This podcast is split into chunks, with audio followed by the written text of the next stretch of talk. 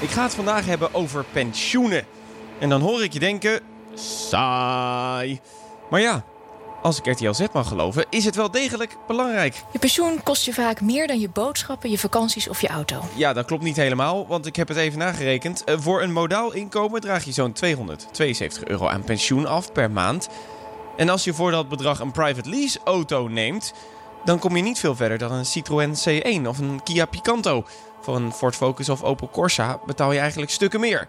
Maar ja, oké, belangrijk dus.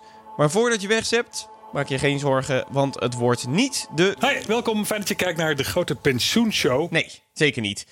En hoorde je dat trouwens ook? Die keiharde hi van Peter van Zadelhof. Er valt toch even rauw op je dak, hè? Hi. Geen goede middag, geen goede avond, maar Hi. het is bijna een muzieknoot zo hoog. Hi. Nou, nu ik het zo zeg, het lijkt eigenlijk sprekend op een jaren 80 klassieker. Hi, hi, hi, hi, hi, hi, hi, hi, hi, hi, hi, hi, hi, hi, hi, hi, hi. Toch een begenadigd muzikant, die van Zadelhof. Maar dat terzijde, want ik heb het dus over de pensioenen omdat er nu na tien jaar polderen eindelijk een akkoord is over het nieuwe pensioenstelsel. En daarom ga ik het over het poldermodel hebben deze aflevering. Want hoe is dat nou ontstaan en werkt het nog wel? Ik ben Kees Dorrestein en dit is een nieuw helder. De Stichting van de Arbeid is het centraal orgaan van georganiseerde samenwerking Daarop past maar één antwoord. Een vlammend protest. grote betrokkenheid van de burgers. Dus mensen zijn bereid om de schouders eronder te zetten. De SER is misschien wel het meest ultieme voorbeeld van polderen. Lonen worden bevroren in ruil voor meer banen. Het poldermodel is geboren. Dat is even wennen. Helder. Dat poldermodel van ons is misschien wel Nederlandser dan het eten van kaas. Dan het in een kringetje zitten tijdens een verjaardag. En dan het niet al te veel willen afdragen aan het Europese steunpakket. En het is een ander woord voor de Nederlandse overlegstructuur. Met belangengroepen om tafel zitten en tot een afspraak komen. En dat wordt vaak gecoördineerd vanuit de Sociaal-Economische Raad, de SER. Daar is het overleg tussen bonden, werkgevers, kroonleden en regeringsvertegenwoordigers zo hecht dat grote arbeidsconflicten en stakingen uitzonderlijk zijn. De SER is misschien wel het meest ultieme voorbeeld van polderen. En dat voorbeeld zorgt er dus voor, zoals Bernard Hammelburg hier zegt, dat Nederland een van de minst stakende landen van Europa is. Maar hoe is dat poldermodel nou ontstaan? Dat weet Maarten Prak, hoogleraar sociale en economische geschiedenis aan de Universiteit Utrecht. En hij heeft dit samen met hoogleraar Jan Luiten van Zanden uitgezocht. En wij hebben in 2013 een boek gepubliceerd dat heet Nederland en het poldermodel. En in dat boek proberen wij aan te tonen dat eh, Nederland eh, is een van de meest welvarende regio's in de wereld en dat dat te danken is aan het poldermodel. En zij komen tot de conclusie dat het na de Romeinse tijd is begonnen. Het Romeinse Rijk stort in. Eigenlijk de hele samenleving desintegreert op een manier die, eh, waar de corona helemaal niks bij vergeleken is. Ja, ik hoop er nog zo de coronacrisis te vermijden deze aflevering. Dank je. Dus eigenlijk het hele economie komt tot stilstand. eh, de steden verdwijnen compleet. En dan rond het jaar 1000 begint eigenlijk voor het eerst dat allemaal weer op gang te komen. Dus dan zie je dat er weer steden ontstaan, dat eh, mensen weer bij elkaar gaan zitten. En in diezelfde periode ontstaan ook allerlei nieuwe verenigingssoorten. Bijvoorbeeld de gilden, bijvoorbeeld de waterschappen. Nou, dat gebeurt in heel Europa, niet alleen in Nederland. Maar het bijzondere is dat dat in Nederland eigenlijk eh, tijdens de 80-jarige oorlog wordt vastgelegd in een staatsstructuur. Dus dat er dan vervolgens een land ontstaat waarin dat eh, eh, over de hele breedte wordt uitgerold. De Republiek der Zeven Verenigde Nederlanden. De Gouden Eeuw volgde en ons poldermodel heeft dat volgens Maarten ook tot een succes gemaakt. En mijn mede-auteur en ik denken dat dit ook de reden is waarom Nederland in die eeuwen eigenlijk steeds zo welvarend heeft kunnen zijn. Want grote betrokkenheid van de burgers, eh, besluiten met een breed draagvlak. Dus mensen zijn bereid om de schouders eronder te zetten. Het moderne poldermodel is eind 19e eeuw ontstaan. In de 19e eeuw werkte het poldermodel heel lang niet goed, omdat mensen weinig georganiseerd waren.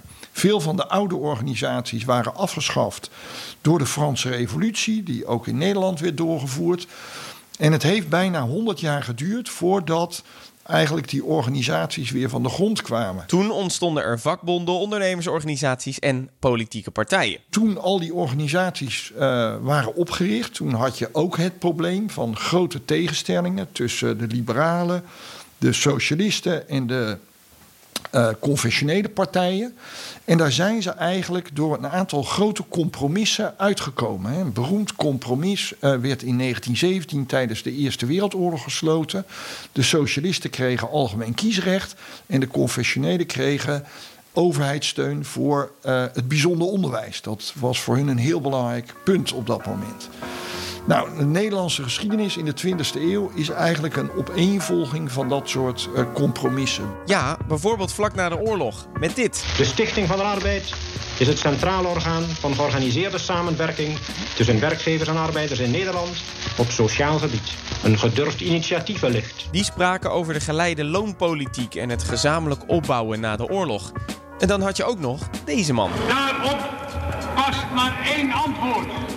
Een vlammend protest. En als ik je vraag in welk akkoord Wim Kok een centrale rol speelde in zijn FNV-tijd, zeg jij natuurlijk. Daarop past maar één antwoord. Ja, precies. 1982. Het gaat economisch helemaal verkeerd. En dus sluiten vakbonden en werkgevers het historische akkoord van Wassenaar. Lonen worden bevroren in ruil voor meer banen. Het poldermodel is geboren. Uh, wacht even. Het poldermodel is pas toen ontstaan? Ja, dat is even wennen. Nou, inderdaad. Want we polderen al in onze huidige vorm sinds eind 19e eeuw. Maar het woord poldermodel is dus hartstikke jong. Die is ontstaan in uh, de nasleep van het akkoord van Wassenaar. Uh, toen uh, gezegd werd, ik ben zijn naam vergeten, maar door een vakbondsleider die zei van kijk, dit is de manier waarop we dat doen. En die heeft toen dat woord bedacht. En dat zou vakbondsman Evert Rongen zijn geweest op het 50-jarig symposium van de Stichting van de Arbeid op 1 december 1995. En als je dan snel rekent, ja, dan zie je het ook. Het poldermodel is dus ook jarig dit jaar en viert zijn 25-jarig naamjubileum. Hey, hey, hey, hey, hey, hey, hey, hey.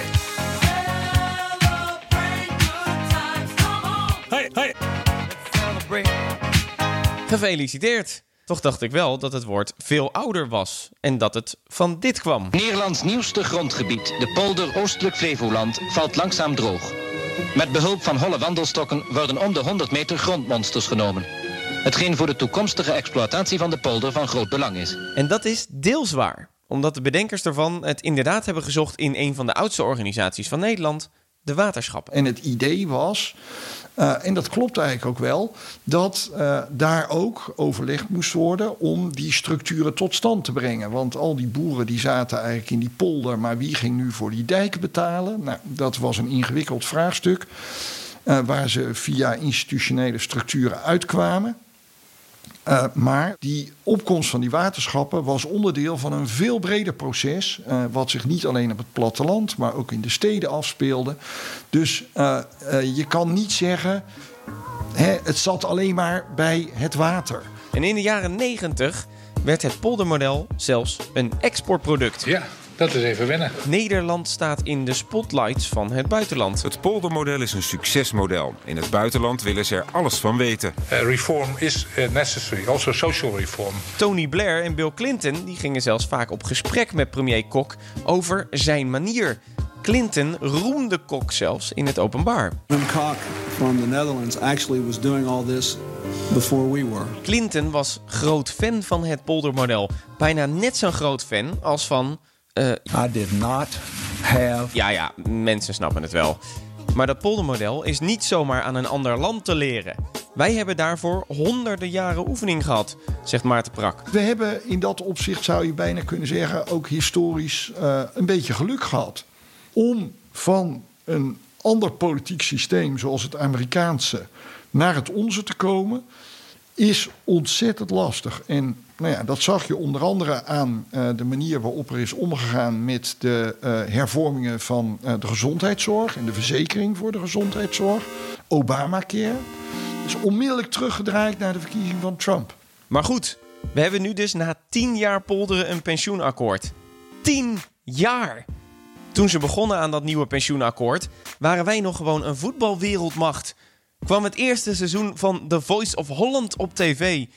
En zei de WHO dat de Mexicaanse griep niet langer een pandemie was. Wat een goede oude tijd, hè? Dat we in een wereld leefden zonder pandemie. Maar als het zo lang duurt, werkt dat poldermodel dan nog wel? Ehm, ik denk van wel, maar er zijn wel een er- aantal grote problemen. Een van de problemen waar het poldermodel op dit moment mee kampt, is de teruglopende organisatiegraad aan de kant van de vakbonden en ook bij de politieke partijen. Dus politieke partijen steunen veel minder dan in het verleden op hun leden.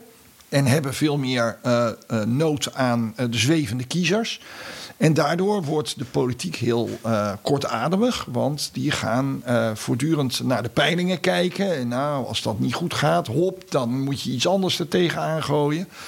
Terwijl in het verleden dachten ze, nou ja, peilingen was eigenlijk niet interessant. Ze hadden gewoon een vaste aanhang. Mensen die ook lid waren van die partij, die eh, eh, behoorden tot het kerkgenootschap, wat die of de vakbond, wat dat, die partij steunde.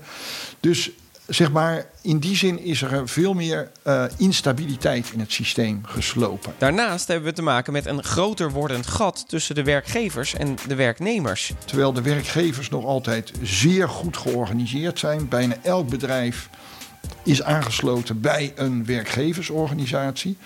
Geldt dat al lang niet meer voor de arbeiders. Deels omdat die niet meer arbeider zijn, maar eh, zelfstandigen tussen heel veel aanhalingstekens.